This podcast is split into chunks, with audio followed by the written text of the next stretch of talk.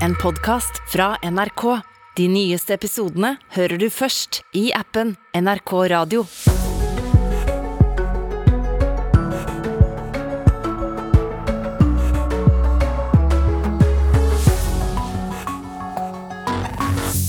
Riktig god morgen. Det er fredag 8. juli. Klokka har passert sju med tre minutter. Dette er NRKs Nyhetsmorgen i P2 og på NRK1. Den tidligere statsministeren i Japan, Shinzo Abe, ble altså skutt mens han holdt en tale for noen timer siden. Vi skal få siste nytt fra vår Asia-korrespondent. Og I Storbritannia er det fremdeles politisk krise, etter at Boris Johnson varsla at han skulle gå av i går, men det er uklart når det skjer. Og Norge sitt fotballandslag fikk en perfekt start på EM for kvinner i England etter storsigeren mot Nord-Irland i går. I studio i dag, Katrine Nybø. Den tidligere statsministeren i Japan, Shinzo Abe, ble altså skutt medan han holdt en tale i natt norsk tid like utenfor byen Osaka. Asia-korrespondent Philip Lote, hva var det som skjedde?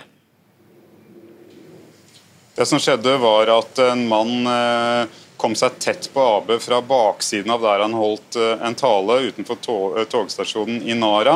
Han skal ha avfyrt to skudd med en hagle. Det ene skuddet skal ha truffet uh, Abe på siden av brystet, det andre i nakken. og det er det etter det andre skuddet at Abe skal ha falt. TV-bildene blir da litt obskure, det er røyk, men så ser vi at en mann ligger på bakken. Dette er Abe, og så kommer hans Eh, hjelpere og rådgivere han til unnsetning, og så blir han tatt av gårde i en sykebil. og Vår søsterkringkaster i eh, Japan, NHK, eh, sa at han hadde fått hjertestans og ikke pustet, men så har politiet etterpå sagt at i ambulansen så skal han ha våknet til liv og pustet, og hjertet skal ha begynt å slå igjen. Men dette er da foreløpig informasjon. Ja, Vi vet at han får behandling på sykehus, altså, men eh, det er ikke kommet noe informasjon om tilstanden hans?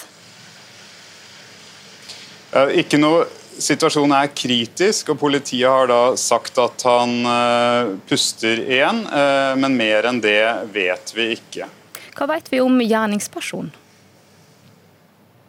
Han er 42 år gammel. Han skal ha hatt en militær eh, bakgrunn, tjenestegjort i det som heter selvforsvarsstyrkene, altså det som er Japans eh, militære. Eh, I Japan så har både medier og politi gått ut med navnet på han, men han skal da ikke ha gjort noe motstand, gjort noe forsøk på å rømme etter at han hadde avfyrt disse to skuddene.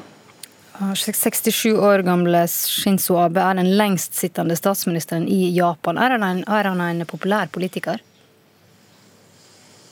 Han satt så lenge at han rakk vel både å være mer eller mindre populær. Eh, han eh, styrte fra 2012 eh, til 2020, og i en åtteårsperiode hvor det var en periode hvor han endret ganske mye av Japan han eh, endret eh, militære lovgivningen slik at Japan til tross for sin pasifistiske grunnlov kunne sende styrker som kunne delta i kamper utenfor Japan. Det er nå en mulighet de har. Han var avgjørende for å få OL til Tokyo i 2020. Dette ble jo da utsatt i 2021. Han hadde håpet på å være statsminister, men fordi at disse lekene ble utsatt Pga. covid så trakk han seg pga. helseproblemer. Jeg traff han faktisk i 2001 eh, sammen med en gruppe unge journalister. Da var han kabinettsekretær. Eh, og alle sa at dette var mannen som kom til å styre eh, Japan. og Han ble jo da statsminister første gang for en ettårsperiode fem-seks år etter. og Han fremsto som ganske jordnær, seriøs, tok oss ganske seg god tid til å svare grundig på spørsmålene vi hadde om hvordan japansk politikk fungerer. Og han hadde jo fremdeles makt i Japan. Han styrer den største fraksjonen innenfor det regjerende liberaldemokratiske partiet. og på søndag så er det jo et nytt valg, hvor hans etterfølger og mannen han selv pekte ut, Kishida, eh, skulle forsøke å sikre seg og partiet eh, nye år ved makten, og lå an til å gjøre det. Men nå vil også AB prege dette valget, selv om han egentlig ikke var en hovedperson. Okay. Takk skal du ha, Asia-korrespondent Philip Lote. 1.7 ble det gratis å reise med mange av ferjesambandene i landet, som har under 100 000 passasjerer årlig. Men Samferdselsdepartementet kan ikke si hva som skjer dersom ei gratisferje blir så populær at passasjertallet havner over 100 000. Det vet heller ikke kommunalsjef for samferdsel i Troms fylke, Bjørn Henrik Kavli. Ja, du spør meg godt. Det vet ikke jeg. Jeg har ikke tenkt tanken. Det er jo grunn til å tro kanskje at det blir mer trafikk. Det er jo litt snodig hvis at han skulle trekke støtten da hvis det går over 100 000. Jeg skjønner godt at du spør, men det er ganske rolig. Sier fylkesråd for transport i Nordland, Monica Sande i Senterpartiet. Jeg tror ikke det skjer noe om at tallet går over. Jeg regner med at staten har vurdert det. Spør Samferdselsdepartementet, sier samferdselsdirektør Håkon Rasmussen i Vestland. Men Arbeiderpartiet sin statssekretær Johan Vasara kan ikke svare på om det kan bli slutt på gratisordninga hvis passasjertallet vipper over grensa. Det blir eh, for eh, tidlig for min del å konkludere noe på her og nå. Erling Sande i Senterpartiet er leder for transportkomiteen på Stortinget. Hvis det blir tilfellet, da må vi se nærmere på den situasjonen. da. Vi kan ikke ha en situasjon der det er gratis annethvert år, for å si det sånn. Samferdselssjef Kavli i Troms fylkeskommune er enig i at en ikke kan veksle mellom betaling eller gratisreise, avhengig av hvor mange passasjerer ferja hadde året før. Det blir veldig upopulært i hvert fall eh, å innføre sånn, sånn jojo-problematikk. Men det ville vel heller ikke være gunstig at eh, andre som da ligger rett over 100 000, fortsatt må betales?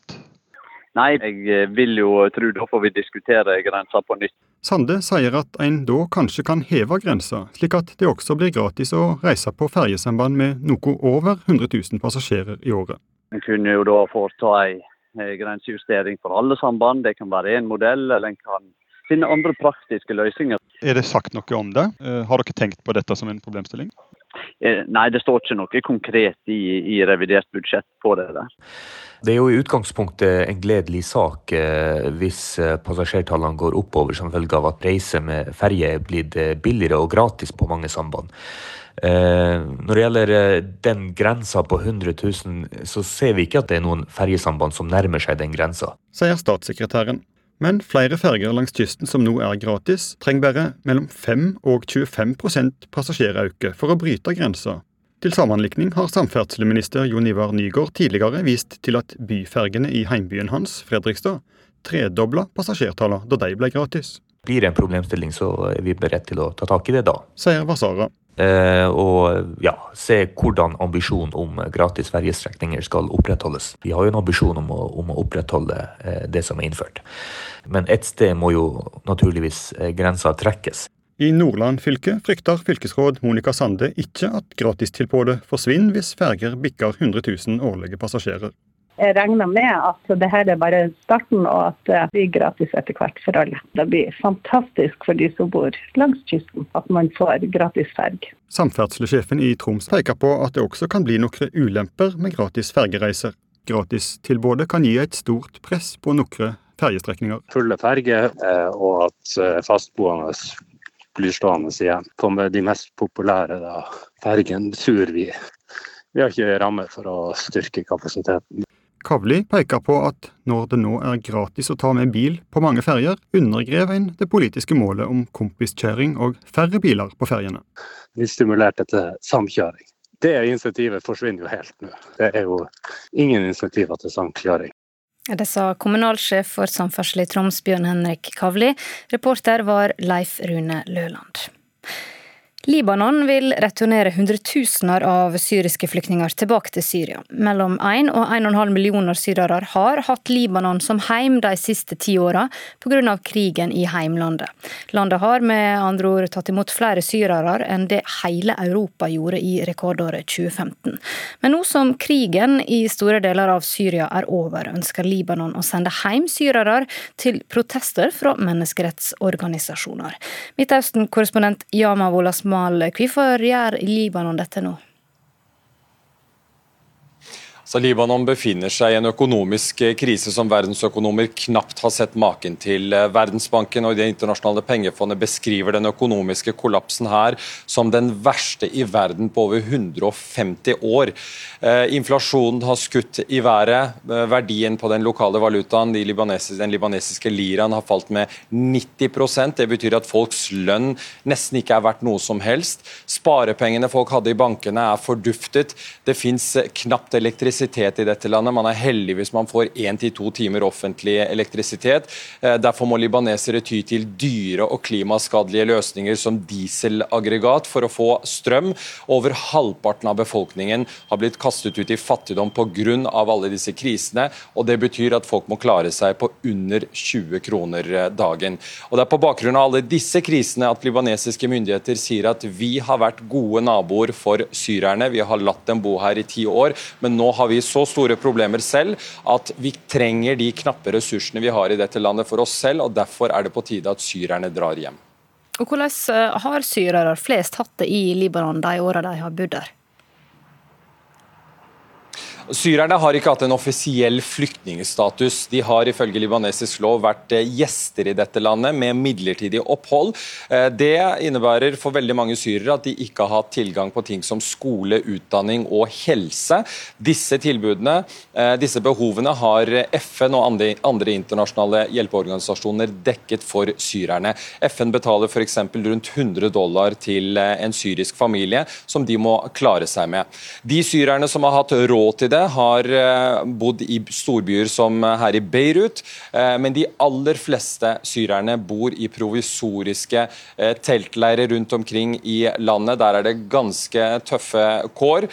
Men til tross for alt dette, så sier de aller fleste syrerne at de foretrekker å bo her i Libanon fremfor å flytte tilbake til hjemlandet Syria. Ja, hvordan er situasjonen i Syria nå? Hva er det som eventuelt venter de som må returnere? Så For å ta det positive først, da, så er jo de scenene vi har vært vitne til i Syria over ti år, med teppebombing av byer, tønnebomber som eh, lander vilkårlig over sivile områder. I det store og hele er den type krig over i Syria. Takket være støtte fra russerne og iranerne har regimet i Damaskus nå tatt tilbake store deler av landet. De eneste områdene syriske regimet ikke kontrollerer, er nordvest i landet er det en provins som heter Idlib, som fortsatt kontrolleres av opprørere.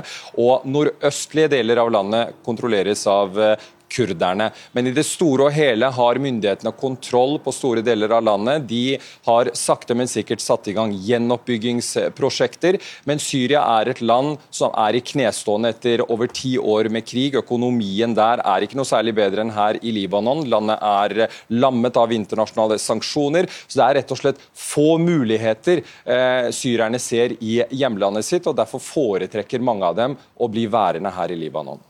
Takk skal du ha, Midtøsten-korrespondent Yama Wolasmal.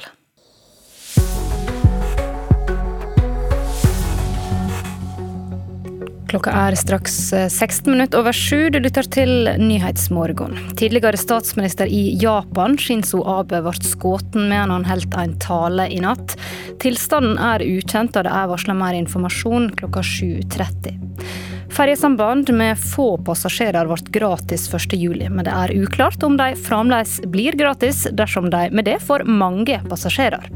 Omkring 13 000 norskutdannede studenter må hvert år betale totalt over 20 millioner kroner i gebyr før de får starte i yrket sitt. Blant de er sykepleiere. Mer om det snart. I Storbritannia er det fremdeles politisk krise, etter at Boris Johnsons egen regjering mista tilliten til han og gikk av i hopetall. Så gikk Johnson også av som statsminister i går. Eller gjorde han det? Vi skal høre på hva Johnson sa i går ettermiddag. so many ideas and, and projects myself. But as we've seen uh, at Westminster, uh, the herd instinct is powerful. When the herd moves, it moves. And my friends, in politics, no one is remotely indispensable. And our brilliant and Darwinian system will produce another leader equally committed to taking this country forward through tough times. Vi hører en eh, ganske skuffa oppgitt Boris Johnson her. Reporter Philippe Bedås Ulvin, hvem er egentlig statsminister i Storbritannia nå? Det er Boris Johnson. Uh, han sier han fortsatt skal sitte som statsminister uh, inntil en ny en blir utnevnt. Og slik det ser ut, så kommer det først til å skje på de konservatives partikonferanse i oktober. Uh, og Partilederkampen er jo veldig mye i gang, men Boris Johnson har da foreløpig bare gitt seg som partileder for de konservative. Og det var jo ikke akkurat velvillig at han godtok nederlaget i går. Uh, og det er veldig mange som uh, mener da at Boris Johnson må fjernes med en gang. At uh, en annen statsminister må ta over midlertidig. som det ville vært første gang det skjer i Storbritannia. men mest sannsynlig ville det da blitt visestatsminister og justisminister Dominic Raab som hadde tatt den plassen. Eh, så er det flere krefter da, som mener at han må eh, avsettes, selvfølgelig i opposisjonen, men også i de konservative, eh, deriblant tidligere statsminister på 90-tallet John Major og flere eksministre. Ja, Du nevnte Labour og partileder Keir Stramer uttalte seg i går. Vi skal høre på han. He can't cling on now. They've declared him unfit to be prime minister. They can't inflict him on the country for the next few months. If they don't get rid of him, we will bring that vote of no confidence uh, in the national interest because we can't go on with this broken government led by this discredited prime minister. Her sier Labour-lederen at de altså vil fremme et mistillitsforslag mot Johnson, men er det i det hele tatt mulig? Eh, Labour kan fremme dette mistillitsforslaget, men da er det opp til de konservative, som har det klare flertallet i uh, uh, House of Commons, å, bryte partilinjen og stemme for Labours forslag. det ville bare krevd noe sånt som 40-50 konservative, men det å bryte partilinjen det ser jo ikke akkurat bra ut for de konservative. så det er mange som mener at det er de konservative selv som må fremme det forslaget. og slik det er nå, så kan de ikke gjøre det, fordi de fremmet et forslag i juni eh, som Boris Johnson vant, og da eh, ifølge partireglene så kan de ikke fremme et forslag på ett år. Eh, så da må det i hvert fall komme en regelendring, og det kan komme fra 1922-komiteen, eh, som da har ansvaret for eh, disse reglene internt i det konservative partiet. Eh, og de sier at en eventuell endring kan komme først på mandag, da komiteen velger ny eh, leder. Um, så man har da to mulige veier for, uh, mot uh, mistillit, men i begge tilfellene er det veldig usikkert om de i det hele tatt vil føre frem. Det blir spennende å følge med. Takk skal du ha, reporter Filippe Doss Ulvin. De siste ukene har en kunnet lese om regnbueflagg som er blitt påtente eller nedrivne. I Oslo har politiet gått ut og bedt om tips etter ei flaggbrenning på Haugenstua i Oslo. Men likevel, politiet har fått inn klart færre politimeldte saker om slikt hærverk i år enn i fjor. Maria sjøl var på vei hjem fra ei venninne da hun tok noen ungdommer på fersken. Unnskyld, hvorfor river dere ned det flagget? Hæ? Hvorfor drar dere ned det flagget? Jeg har filma at dere har gjort det. Videoen 21 år gamle Maria sjøl la ut på TikTok, har fått enorm oppmerksomhet. På bare to uker har videoen blitt sett over en halv million ganger og fått nærmere 80 000 like og klikk. I videoen konfronterer sjøl to ungdommer som er i ferd med å rive ned et regnbueflagg i Kvadraturen i Kristiansand. Hendelsen skjedde dagen etter masseskytinga i Oslo i juni. Eh, jeg syns det er viktig eh, at eh, man sier ifra når man ser ting som ikke er greit, uavhengig av hvem som gjør noe ugreit og hvor gamle de er eller hvor mange de er. Og i tillegg, i, i lys av det som hadde skjedd i Oslo natta før, så syns jeg det var viktig å si ifra. Det er ikke bare i Kristiansand at regnbueflagget har blitt gjort hærverk på den siste tida. I flere medieoppslag har man kunnet lese om hærverk begått mot regnbueflagg flere steder i landet. NRK har spurt alle politidistrikt, og til nå i år er det anmeldt minst tolv tilfeller av hærverk mot prideflagg. Selv om mediebildet kan gi et litt annet inntrykk, er det en klar nedgang fra i fjor. Hvis det er et tyveri eller et skadeverk av et prideflagg, så er det grunnlag for å undersøke om det ligger et motiv der som kan være hat eller negativ holdning, enten på bakgrunn av seksuell orientering eller kjønnsuttrykk og kjønnsidentitet. Det sier Monica Lillebakken. Hun er politibetjent ved Nasjonalt kompetansemiljø innen hatkriminalitet. I Oslo alene ble det i fjor registrert 33 anmeldelser for hærverk mot regnbueflagg, mens det i år bare er registrert syv anmeldelser. Politiet tror økningen i fjor stort sett skyldtes den nye flaggloven som for første gang tillot å flagge med regnbueflagg i offentlige bygninger. Lillebakken sier at få av sakene ender med reaksjoner som følge av hatkriminalitet. Mye av dette har skjedd på kveld og natterstid, og det er få spor å gå etter. Eh, men vi har eh, gjerningspersoner i noen av sakene, og da i de sakene hvor vi har klart å avdekke eventuelle gjerningspersoner, så har dette i nesten alle tilfellene vært veldig unge gjerningspersoner. Tyveri og skadeverk er i utgangspunktet ikke en prioritet for politiet, men ved hærverk på prideflagg er det avgjørende å avdekke om motivet bak handlinga kan være motivert av hat. Det er ikke godt å si om det å tenne på et prideflagg er en negativ ytring om Eh, skeive som personer, eller f.eks. om den politikken eh, som føres, altså om kjønnsopplæring i skolen eller, eller lignende ting. Eh, og den usikkerheten som ligger i hvordan du skal tolke det, gjør at eh, det som utgangspunkt ikke vil regnes som straffbart. Det sa politiadvokat Kai Spurkland, reporter der var Lars Hægeland. Det var knytt stor forventning til det norske laget før de EM åpna mot eh, det lavest rangerte laget i mesterskapen, Nord-Irland, i går. Og det norske laget innfridde, ført an av flere av sine største stjernespillere. Fotballekspert for NRK, Carl Erik Torp, kaller 4-1-sigeren en perfekt start på mesterskapen.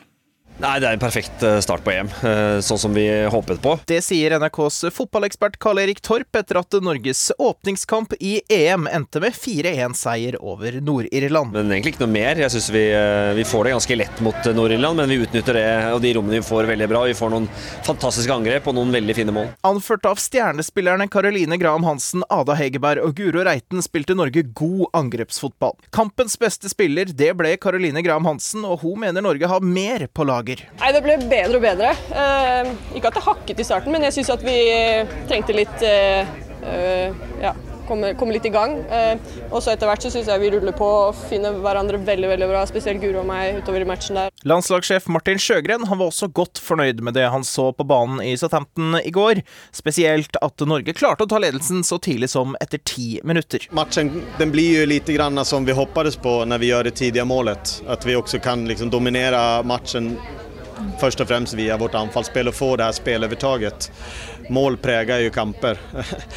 Eh, og vi hadde godt kunnet gjort kanskje både ett og to mål til i første omgången. Så jeg er veldig fornøyd. Målskåreren av det første målet, venstreback Julie Blakstad, var godt fornøyd etter kampen og sa at nøkkelen til norsk suksess er at Stjernegalleriet spiller på lag. Det vet vi jo før mesterskapet, og det er vi veldig avhengig av at de, de store stjernene våre leverer. Og det syns jeg både hun og flere gjør i dag. Så det, det er kjempepositivt og en god start på mesterskapet. EM holder fram for Norge på mandag. Da venter vertsnasjon og gruppefavoritt England. Reportere var Emil Johansen. Kring 13 000 norskutdanna studenter må hvert år betale totalt over 20 millioner kroner i gebyr, før de får starte i yrket sitt. Alle som vil jobbe innen 32 forskjellige yrker i helsevesenet, må nemlig få autorisasjon og en plass i helsepersonellregisteret. Nå vil sykepleierstudentene og flere andre bli kvitt gebyret. De 1665 kronene, det er ikke det det står på. Det, det, det er med prinsippet. En mandag i juni fikk Sturla Veding endelig svaret på at han hadde bestått siste eksamen ved sykepleierstudiet i Trondheim. Dagen etter fikk han e-post på vegne av Helsedirektoratet. Han måtte betale 1665 kroner for å bli autorisert, sånn at han kunne få jobbe i yrket sitt. Det syns Sturla er rart. Det her er oppfattes som uh, helautomatisert, digitalisert. Uh, det er skolene som uh, som sender inn vitnemålene våre. Og så skal vi rett og slett betale 1600 kroner eh, for eh, ingenting. da. De som har tatt utdanninga si i Norge, blir normalt autorisert i løpet av noen minutter etter at de har betalt gebyret. Sigrid Husøy Larsen er studentleder i Norsk Sykepleierforbund.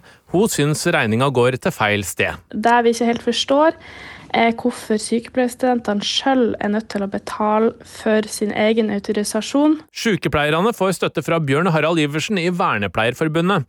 Begge fagforeningene sier det er veldig bra at vi har et helsepersonellregister, men At uh, nyutdanna vernepleiere, sykepleiere og andre helsepersonell som uh, tar yrker som samfunnet trenger voldsomt, skal starte med å betale 1660 kroner er det vel nå, uh, for å liksom komme i gang for å få autorisasjonen sin. Det syns jeg er ugreit. Vi ser det jo som ganske urimelig. Avdelingsdirektør Anne Farseth i Helsedirektoratet sier autoriseringa av de norskutdanna studentene har vært tilnærma automatisert siden 2015. Prisen på gebyret har heller ikke endra seg siden da. Og det er politikerne som har bestemt at studentene må betale sjøl. Verken utvikling eller forvaltning av eh, store tekniske fagsystemer eh, er gratis eller gjør seg selv. Og det er ikke noen forskjell i pris på om søknaden blir behandla automatisk, eller om du har vitnemål fra utlandet som må behandles manuelt, sier Farseth. Vi sier vel at det er godt over 20 000 antagelige utdanningsinstitusjoner i verden. og med ulike utdanninger, ulike typer vitnemål, ulike uh, sammensetninger. Betalingsfrist 28.8.2022. 1665 kroner. I leiligheten i Trondheim er Sturla i pappaperm fram til slutten av august. Han har foreløpig ikke betalt gebyret for å bli autorisert. Jeg sender gjerne nummeret mitt, eh, sånn at de eventuelt kan vippse meg hvis de har lyst på en sykepleier til i Norge, for jeg har skjønt at det er litt mangel på dem. Helsedepartementet svarer ikke på spørsmål om hvorfor systemet er sånn, eller hva de vil gjøre med oppfordringa fra Sturla om å vippse han noen kroner. Men de skriver i en e-post at de jobber med et forslag til åssen betalinga for autorisering av helsepersonell skal være i framtida. Fram til det blir avgjort, fortsetter dagens ordning. Vi behandler 27 000 saker i året, og gebyrinntektene i fjor var vel ca. 33 millioner. Dekker det alt i forbindelse med registeret? Nei, det gjør det nok ikke. Det er nok mer, mer sammensatt å, å drifte enn den, ordningen enn som så.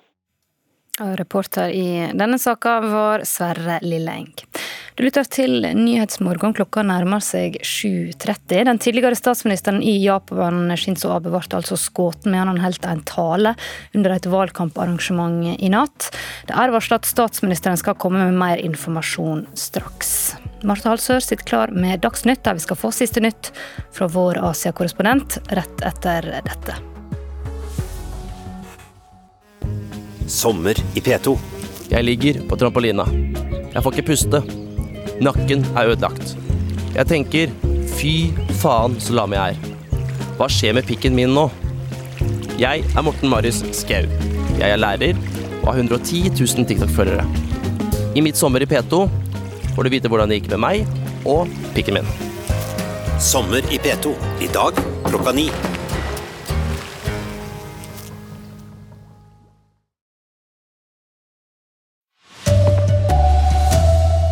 Tidligere statsminister i Japan ble skutt mens han holdt ei tale i natt. Ferjesamband med få passasjerer er blitt gratis, men hva skjer om ferja blir så populær at hun får mange passasjerer? Og mangel på turbusser og bussjåfører byr på problem når turistene nå kommer tilbake. Her er NRK Dagsnytt klokka 7.30. Den tidligere statsministeren i Japan, Shinzo Abe, ble skutt medan han holdt en tale under et valgkamparrangement i natt. Og Asia-korrespondent Philip Lote, hva er situasjonen nå, bare timer etter angrepet?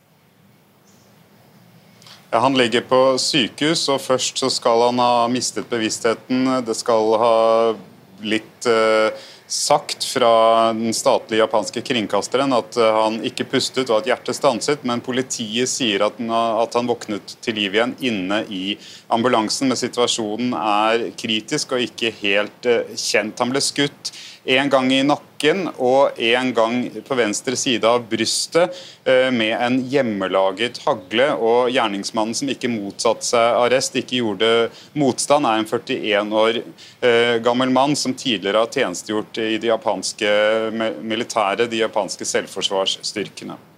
Shinzo Abe er den statsministeren som har styrt Japan lengst fram til han gikk av i fjor. Hvem er han? Han styrte Japan først i 2006 til 2007, og så i, eh, fra 2012 til 2020. Eh, og han er en ruvende skikkelse som brakte Japans sommer-OL til Tokyo. Endret Japans økonomi og endret også grunnloven slik at Japan kunne sende militære styrker ut av Japan. Og han er fremdeles en dominerende skikkelse, lederen for den største fraksjonen i det liberaldemokratiske partiet som har regjeringsmakten, eh, og som nå går til valg på søndag for å sikre seg nye år med Abes eh, arvtaker, eh, statsminister Kishida. Ja, hvordan kommer det til å prege valget? Delegatene, kandidatene fra Det liberaldemokratiske partiet har nå fått beskjed om å avslutte sin valgkamp, men samtidig så sier kabinettsekretæren at valget skal gjennomføres. Og Det er jo typisk at dette som skulle være statsminister Kishidas valg, eh, nå også blir eh, dominert av Abe, selv om han egentlig ikke skulle være noen hovedperson. Han fortsetter å dominere japansk politikk, denne gangen kanskje mot sin vilje. Flere ferjesamband ble gratis fra 1.7. Et krav er at sambandene har under 100 000 passasjerer årlig. Men Samferdselsdepartementet kan ikke si hva som skjer om ei gratisferje blir så populær at passasjertallet kommer over 100 000. Det vet heller ikke kommunalsjef Bjørn Henrik Kavli i Troms eller kommunalråd Monica Sande i Nordland. Ja, du spør meg godt. Det vet ikke jeg. Jeg skjønner godt at du spør, men det er ganske rolig. Blant de små ferjesambandene er det åtte i Nordland og Vestland fylke som nå er blitt gratis, og som trenger bare mellom 5 og 25% passasjerauke for å bryte grensa. Det er jo litt snodig hvis at en skulle trekke støtten da hvis det går over 100 000. Jeg tror ikke det skjer noe om at tallet går over. Jeg regner med at staten har vurdert det. Spør Samferdselsdepartementet, sier samferdselsdirektør Håkon Rasmussen i Vestland. Men Arbeiderpartiet sin statssekretær Johan Vasara kan ikke svare på om det kan bli slutt på gratisordninga hvis gratisfergene blir så populære at passasjertallet vipper over grensa. Det blir eh, for uh, tidlig for min del å konkludere noe på her og nå. Erling Sande i Senterpartiet er leder for transportkomiteen på Stortinget. Hvis det blir tilfellet, da må vi se nærmere på den situasjonen. da. Har dere tenkt på dette som en problemstilling?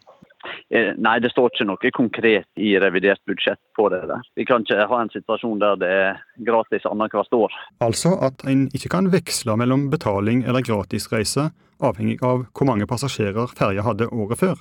Det blir veldig upopulært å innføre sånn jojo-problematikk. Men det ville vel heller ikke være gunstig at eh, andre som da ligger rett over 100 000, fortsatt må betales? Nei, jeg eh, vil jo tro da får vi diskutere grensa på nytt. Vi har jo en ambisjon om å, om å opprettholde eh, det som er innført. Men et sted må jo naturligvis eh, grensa trekkes. Reporter Leif Rune Løland. Det norske laget innfridde forventningene i åpningskampen i fotball-EM i England med 4-1-siger over Nord-Irland. Etter kampen var stjernespiss Ada Hegerberg opptatt av å komme raskt i gang med forberedelsene til kampen mot gruppefavoritt England på mandag. Det handler om restitusjon, ta vare på kroppen og hodet sitt først og fremst. Eh, men å få analysert fort, slik at du får uh, switcha fokus mot en helt annen match. Uh, fordi vi er glad i kveld, men samtidig i morgen er det en helt ny dag. Og på mandag blir en helt annen match med et helt annet nivå. Så ting går fort. Veldig nødt til å bruke tida godt. De har erfaringa kicke inn i forhold til hvordan du skal ta vare på det sjøl, men òg mobilisere som gruppe for å omstille seg. da. Politiet ser en klar nedgang i hærverk mot prideflagg. Fjorårets endring i flagglova førte til en sterk vekst i anmeldelser om hærverk mot regnbueflagget, men eh, til nå i år er det registrert langt færre anmeldelser. Veldig mange av de sakene som har blitt anmeldt eh, er blitt henlagt. Eh, mye av dette har skjedd på kveld og natterstid, og det er få spor å gå etter. Eh, men vi har eh, gjerningspersoner i noen av sakene, og da i de sakene hvor vi har klart å avdekke eventuelle gjerningspersoner, så har dette i nesten alle tilfellene vært veldig unge gjerningspersoner. Det sa Monica Lillebakken, politioverbetjent ved Nasjonal kompetansemiljø innen hatkriminalitet. Turbussnæringa mangler både sjåfører og busser. Det skaper store utfordringer for selskapene, for nå kommer turistene tilbake. Forbundssekretær i Fellesforbundet Dag Einar Sivertsen sier at det er en vanskelig situasjon. Vi ser at det er både manko på, eh, på eh, materiell og eh, personell. Årsaken til mangelen er at det over tid er blitt færre turbusser her i landet, fordi utenlandske selskaper har overtatt mye av trafikken. Sjåførmangelen er nemlig ikke bare et norsk problem, den er stor over hele Vest-Europa, for under pandemien ble flere sjåfører permittert eller flyttet til rutebusstrafikk. Nå når produksjonen tilsynelatende ser ut til å ta seg opp, så er det vanskelig å få på plass tilstrekkelig med folk til å drive i, i, i bransjen. Store turistgrupper uteblir fra Norge denne sommeren, forklarer administrerende direktør i NHO Transport, Jon H. Stordrange. Vi oppfatter vel at eh, asiatiske turister i veldig stor grad uteblir fra Norge i år.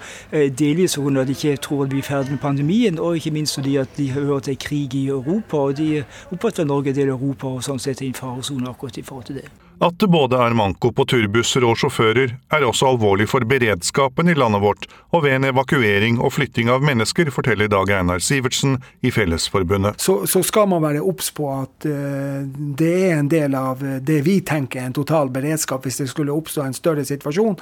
Og da er vi avhengig av å ha et tilstrekkelig uh, antall både folk og materiell for også å kunne hjelpe til på det.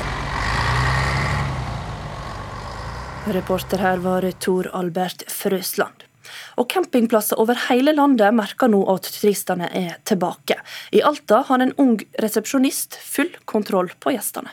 Hello. Hello. Hello. We have a caravan. Yeah. Five people. Five We'd people. like to stay for two nights. Two nights. Hun er bare elleve år, men har allerede fått god erfaring med å ta imot gjester. Elisabeth Strand Kvale har så langt i sommer hatt mye å gjøre i sin sommerjobb på Alta Strand camping, og det er hun ikke alene om. På campingplasser over hele landet er det nå stor pågang av både norske og utenlandske turister. Den unge resepsjonisten i Alta sier at de har hatt full campingplass i sommer. Det var en periode der hvor det var sånn Det var masse grupper som var her, sånn fra Tyskland, Nederland og alt sånt der. Og så da kom de jo her, og det var jo fullt her, så var det fullt der nede. Så var det jo masse campingvogner som var her, så vi måtte jo til slutt så måtte vi jo sa, vi måtte si at vi hadde ikke plass lenger. Og det er ikke bare i nord at tallene for det norske campinglivet peker oppover. Tall fra Statistisk sentralbyrå viser at campingplassene i Norge har hatt nesten 1,5 millioner overnattinger i årets fem første måneder.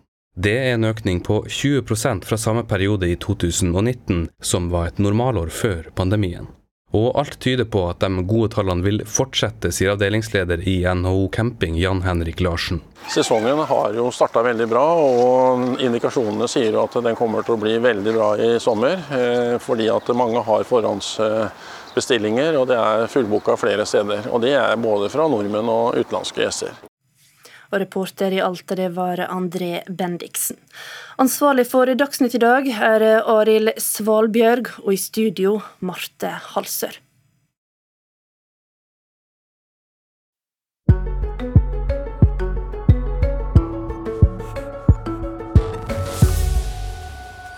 Vi er godt inn i eh, sommerferien fra skolen, men det er ikke alle som tar helt fri. Ti år gamle Vilma i Alta har sin egen hønsegård med både kalkun, høner og vaktelhøns. Og i ferien jobber hun i sin helt egen sommerbutikk. Jeg har jo litt godteri inni denne kroken.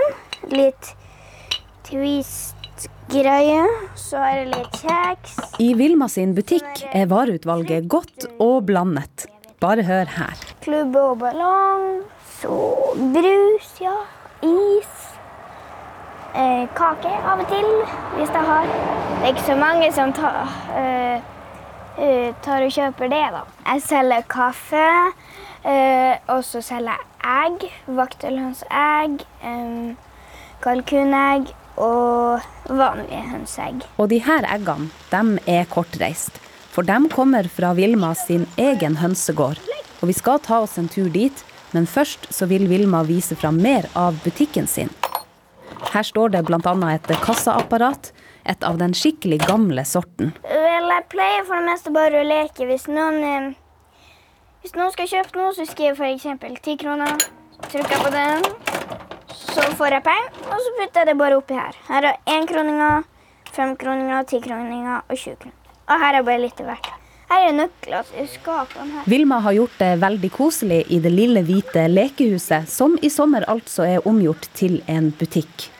Her blir du møtt av flere fargerike plakater med prisliste på det du kan få kjøpt, og selve handelen den foregår gjennom et lite vindu. Det er bare å ringe i bjella når du kommer. Og salget, det går greit, kan butikkeieren fortelle. Ja, det går bra. Jeg har fått noen hundre kroner. Allerede. Og det er kanskje ikke så rart, for Vilma hun har tenkt på alt. Mm, ja. Eh, Og så har jeg sånne lekegreier til de barna. Vi, altså, sånn at de er voksne får kjøpt litt. Mens de barna får leke. Nå blir det ikke like mye i veien. Jeg kan være mye i veien til tider. det regner ute. Ja, det gjør det, så gummistøvlene de må på. Nå er vi på vei til hønsegården. Det er den tammeste høna vi har. Jeg må bare inn og hente litt egg. Se på dem, de blir så tjukke når, når noen kommer nært. Et kalkunegg. Lagt merke til at de legger egg der. Og hun der syns jeg er skummel. Hun har for det meste aldri egg. Jeg må bare sjekke. Nei, veldig sjeldent å få kalkunegg av og til. Får for det meste Ja, vi får faktisk vaktelønnsegg mer enn vi får kalkunegg. Det ene grunnen til at jeg tror at uh, kalkunegg ikke legges ofte, er vel fordi at den der kalkunmannen ikke vet hvordan han skal pare engang. Han parer jo med hodet. Og med eggene samla i genseren, så springer Vilma ned til butikken sin igjen. Eggene de skal i kjøleskapet, og NRKs reporter spør hvorfor det skrives dato på alle eggene. Det er for å vite om, om det har gått altfor lang tid, om de er dårlige. Så jeg kan jo ikke selge dårlige egg. Da er det over og ut for min kafé. Hvordan av de her eggene liker du best sjøl? Jeg vet ikke helt. Jeg tror jeg liker eh, kalkunen, kanskje. De er så prikkete og morsomme.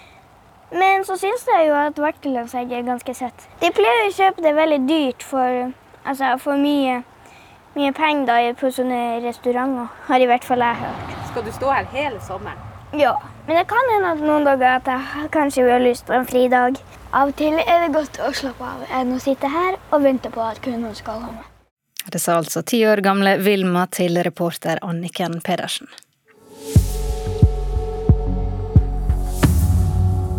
Klokka er 7.44. Japans tidligere statsminister Shinzo Abe ble skutt mens han talte for få timer siden.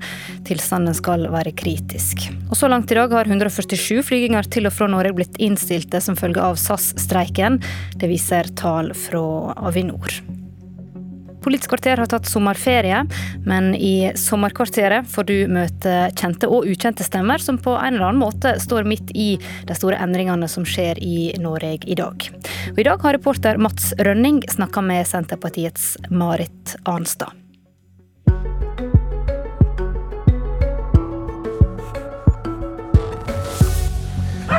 Nå er vi på Arnstad Vestre. Det er en gård som har vært i slekta mi i snart 300 år. Eh, Så jeg har vært det lille huset, og så bor søstera mi i hovedhuset. Navn? Marit Arnstad. Alder? eh, 60. Stilling? Eh, Parlamentarisk leder i Senterpartiets stortingsgruppe. Hvis du skulle hatt en annen jobb, hva ville det vært? Altså, da jeg var ung, da hadde jeg lyst til å studere historie eh, og jobbe med historie. Eh, Men etter hvert som årene gikk, så har jeg tenkt at jeg skulle gjerne jobbe med noe praktisk. Jeg skulle gjerne vært gartner eller kålbruker. Marit Arnstad, velkommen til Politisk sommerkvarter. 7,6% det er snittet til eh, Senterpartiet ved inngangen til eh, sommerferien. På denne tida i fjor så hadde dere 17,6 Hva er det som har gått gærent? En del av det som slitasjen og fallet i vinter har å gjøre med eh, frustrasjon hos folk. Frustrasjon over kostnader knyttet til energi, over at det ikke finnes noen enkle løsninger om å forandre kraftmarkedet. Eh, og også frustrasjon knytta til andre kostnader som øker. Men har ikke akkurat sånne enkle løsninger knytta til kraftmarkedet eksempel, vært en av grunnene til at eh, Senterpartiet har vokst? Nei, Vi har ønska strukturelle endringer, det er jo helt riktig. Eh, Men vi har ikke sagt at det er noe quick fix, at det er gjort på en måned eller to. Det har vi ikke sagt. Men at vi har ønska strukturelle endringer, det har vi jo. Da vi gikk imot ACER og tredje energimarkedsdirektiv til EU, så var jo det et uh, eksempel på at vi ønsker en annen kurs i kraftpolitikken. En annen ting som skjedde i juni i fjor, eller på forsommeren i, i fjor, det var jo at Trygve Slagsvold Vedum kunngjorde at han ville bli mm. statsminister. Var det en taktisk bommert? Nei, jeg ser ikke på den måten. Altså, det er ikke uvanlig, eller det har ikke vært uvanlig i norsk politikk at flere partier har egne statsministerkandidater. Eh, så jeg syns ikke det var så merkelig. Men samtidig så har vi jo nå hatt først åtte år med Stoltenberg, Stoltenberg II-regjeringa, og så åtte år med Solberg-regjeringa. Og da har det på en måte ikke blitt eh, naturlig i samme grad. Eh, men eh, tidligere så har det, jo, har det, jo, vært naturlig at de ulike partiene har hatt egne statsministerkandidater. På 90-tallet så var jo Bondevik statsministerkandidat, Johan Judd Jacobsen statsministerkandidat. De ulike partiene hadde. det.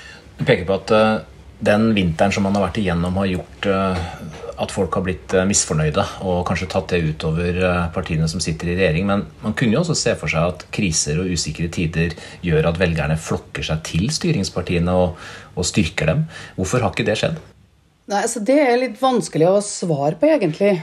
For først tror jeg den frustrasjonen over økte kostnader og økte priser på ting eh, har eh, slått veldig sterkt hos folk. Eh, kanskje sterkere enn den krisestemningen du fikk akkurat da Russland invaderte Ukraina. Og så, og så har på en måte krigen normalisert seg etter hvert. Den altså, er blitt fjerna fra, fra oss etter de første omveltende ukene, så blir den litt fjernere fra oss. Men jeg må jo også si at jeg syns at pandemien har brakt med seg en slags tenkning om at eh, vi hele tida kan presentere nye pakker, nye økonomiske tiltak til folk. Eh, og vi er nødt til å eh, måtte snu kursen litt der, fordi det er ikke normalt at du hele tida skal ha tilleggspakker og pakker med økonomiske stimulans og virkemidler i norsk politikk. Det vanlige i norsk politikk er at du har budsjettbehandling to ganger i året. Du har et statsbudsjett som behandles på høsten, og du har et revidert nasjonalbudsjett som behandles på våren. Eh, og Pandemien forrykka hele det bildet, men vi må tilbake dit. At vi har en normal budsjettbehandling. og Da er det vanskelig å imøtekomme ønsker og krav om at det skal komme tilleggspakker eller tilleggsbevilgninger uten videre. Er det noe som henter de stigende forventningers misnøye? Er det det du beskriver nå? Nei, jeg vil ikke si det. fordi jeg har forståelse for folks frustrasjon, men jeg bare sier at vi har vært gjennom en nokså eksepsjonell periode de siste to årene fra våren 2020 og fram til nå, eh, der vi har hatt en helt annen type økonomisk styring, egentlig, med en rekke sånn tilleggspakker. Det er jo ikke normale i norsk, i norsk politikk. Det er ikke normale i norsk statsstyring. Og vi må tilbake til det som er det vanlige. Er du redd for at uh, Norge og den politiske debatten kan ha blitt endra varig ved at man har blitt vant til at politikerne kan eh, legge nye milliarder ekstraordinært på bordet dersom det oppstår en uforutsett situasjon? Jeg håper ikke det, fordi det vil være veldig uheldig for det norske samfunnet om vi, om vi helt fjerner oss fra den tenkninga at det finnes noen rammer og noen grenser for hva, eh, hva det offentlige kan eh, bruke av bevilgninger. Vi er et heldig land som har et oljefond, som har store oljeinntekter. Men vi kan ikke bruke alle de inntektene i norsk økonomi. Og den bevisstheten har vi vært nokså tydelige på helt ifra vi begynte å få inntekter i oljefondet i 98-99 og fram til eh, pandemien kom. Og vi er nødt til å holde den tenkninga fortsatt. At du kan ikke bare pøse penger inn i offentlig sektor. Du er nødt til både å holde igjen når det er behov for det, men også å prioritere. Høyre var ute nå og sa at uh, nå måtte man stramme inn. Samtidig er din foretrukne budsjettpartner SV opptatt av å øke barnetrygden f.eks. og andre sosiale ytelser. Hvilke av de to er du mer uh, enig i? Jo, men altså, Når det gjelder SV, så er jo det de gir uttrykk for, er jo en prioritering. Og det har jeg respekt for.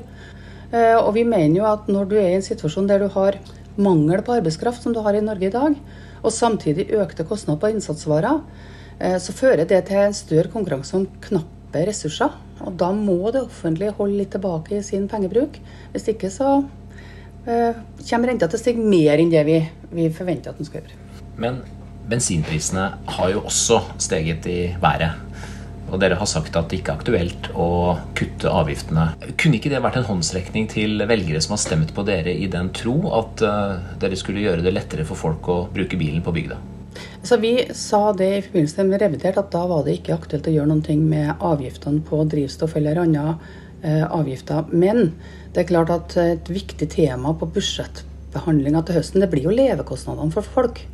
Eh, fordi at den situasjonen vi er inne i, kan jo både bidra til økte forskjeller mellom folk og grupper i samfunnet, og det kan bidra til en, en vanskelig økning i levekostnader. Så, så, det å ta hele diskusjonen om levekostnadene til folk, det tror jeg blir veldig viktig i høstens statsbudsjett.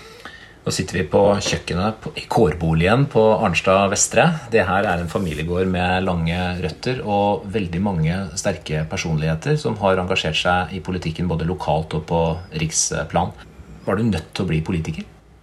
Nei, nei jeg var ikke det. nei, jeg tror på ingen måte at jeg var tvinga inn i det. Men jeg kommer jo fra en veldig samfunnsengasjert familie. Så i våre familieselskap så er det ikke Eh, biler eller hus eller sånne ting som blir diskutert, men det er bestandig politikk, da. Og sånn har det vært helt siden jeg var lita. Så, så før eller siden så tar du jo del i de diskusjonene, eh, og da blir du også engasjert. Og da er det litt å også utvikle det videre til en politisk engasjement. Så du har fått trening i å diskutere fra barnsben av? Ja, vi diskuterte bestandig i familieselskap hjemme til oss. Og enkelte av mine gamleonkler de eh, inntok det motsatte standpunktet bare for å skape en diskusjon. Ikke fordi de egentlig mente det, men bare for å provosere fram en diskusjon. Så sånn har det bestandig vært. Du har en eh, tvillingsøster som du har beskrevet som mer utadvendt enn deg selv. Og jeg har også hørt at du har sagt at du er hun sure i Senterpartiet. eh, ligger det noe alvor bak dette? Nei, men det ligger det, det, ligger det i det at jeg er nok litt eh, reservert. og også når jeg var yngre, sjenert av meg. Og da kan jeg nok oppfattes også som litt sånn eh, eh, Som ikke er så åpen, da. Eh, og så Så jeg er nok på en måte et menneske som har litt mer sånn rammer rundt meg enn eh, mange andre. Du kan være ganske direkte? Ja. Og det, er, det kan jeg være. Eh, prøver å være, ha alminnelig folkeskikk og være høflig, men jeg kan være litt direkte. Liker du det imaget du har? Jeg vet ikke helt det imaget. Jeg liker jo ingen som liker å bli kalt sur, da. men, men, å være sånn å være litt sånn bestemt, det kan jeg gå. Det gjør meg ingenting. Altså, jeg mener at det, det må være skvært og være litt direkte og ha gjort seg opp en mening. Er det sånn at uh, Senterpartiet ledes av en good cup og en bad cup? Nei, sånn er det ikke. Nei. Og jeg vet egentlig ikke om dem i stortingsgruppen men jeg ville si at jeg på en måte var sånn sur og bestemt heller, for jeg tror de ser flere sider av meg enn det kanskje du viser til utad i offentligheten. Men du har sagt at dere utfyller hverandre? Ja, det gjør vi. Det, det, gjør vi, for han er veldig, Trygve er veldig utadvendt.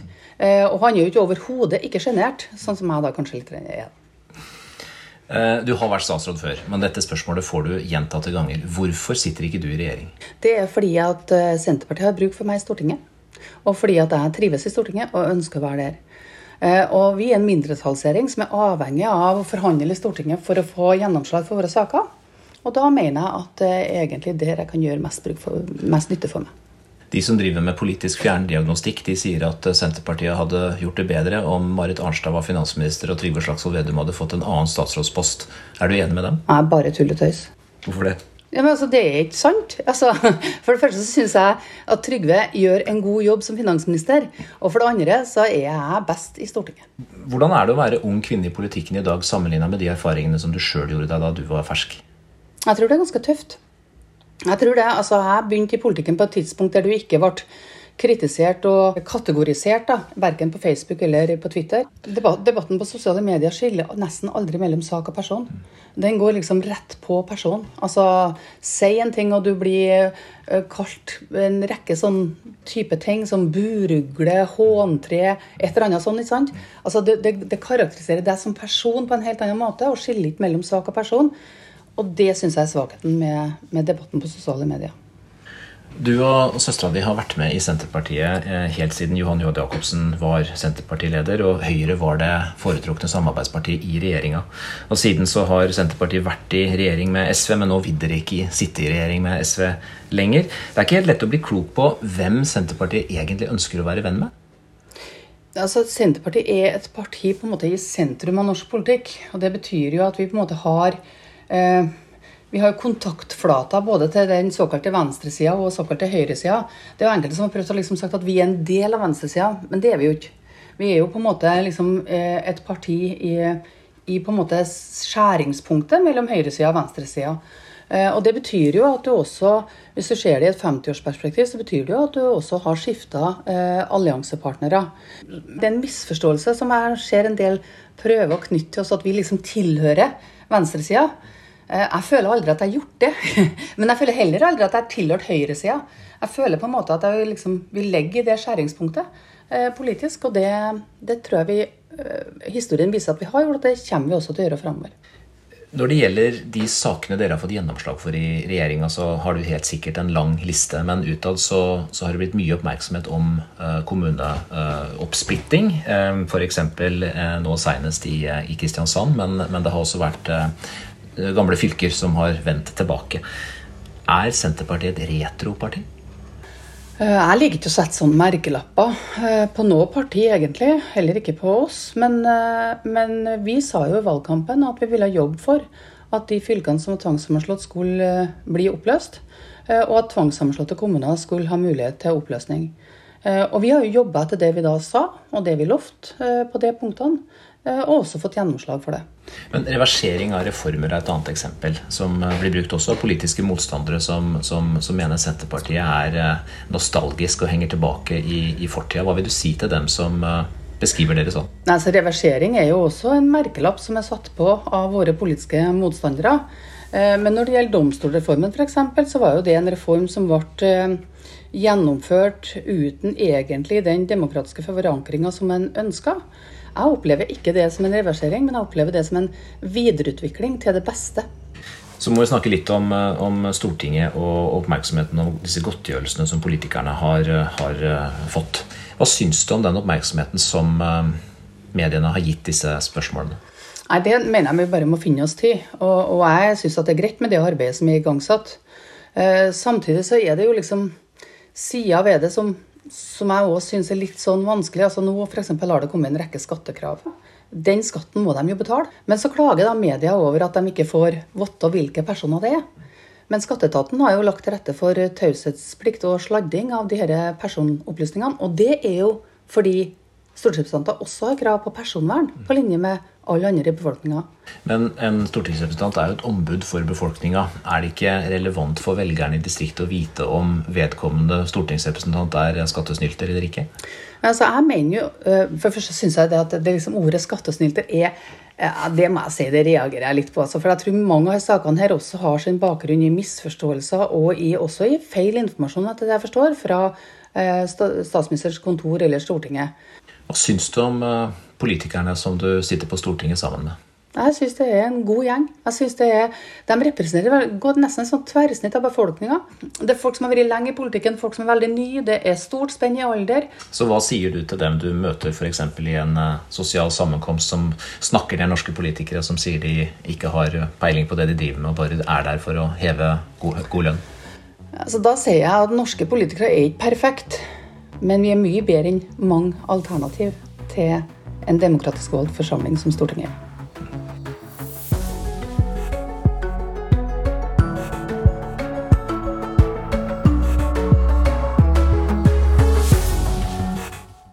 En podkast fra NRK.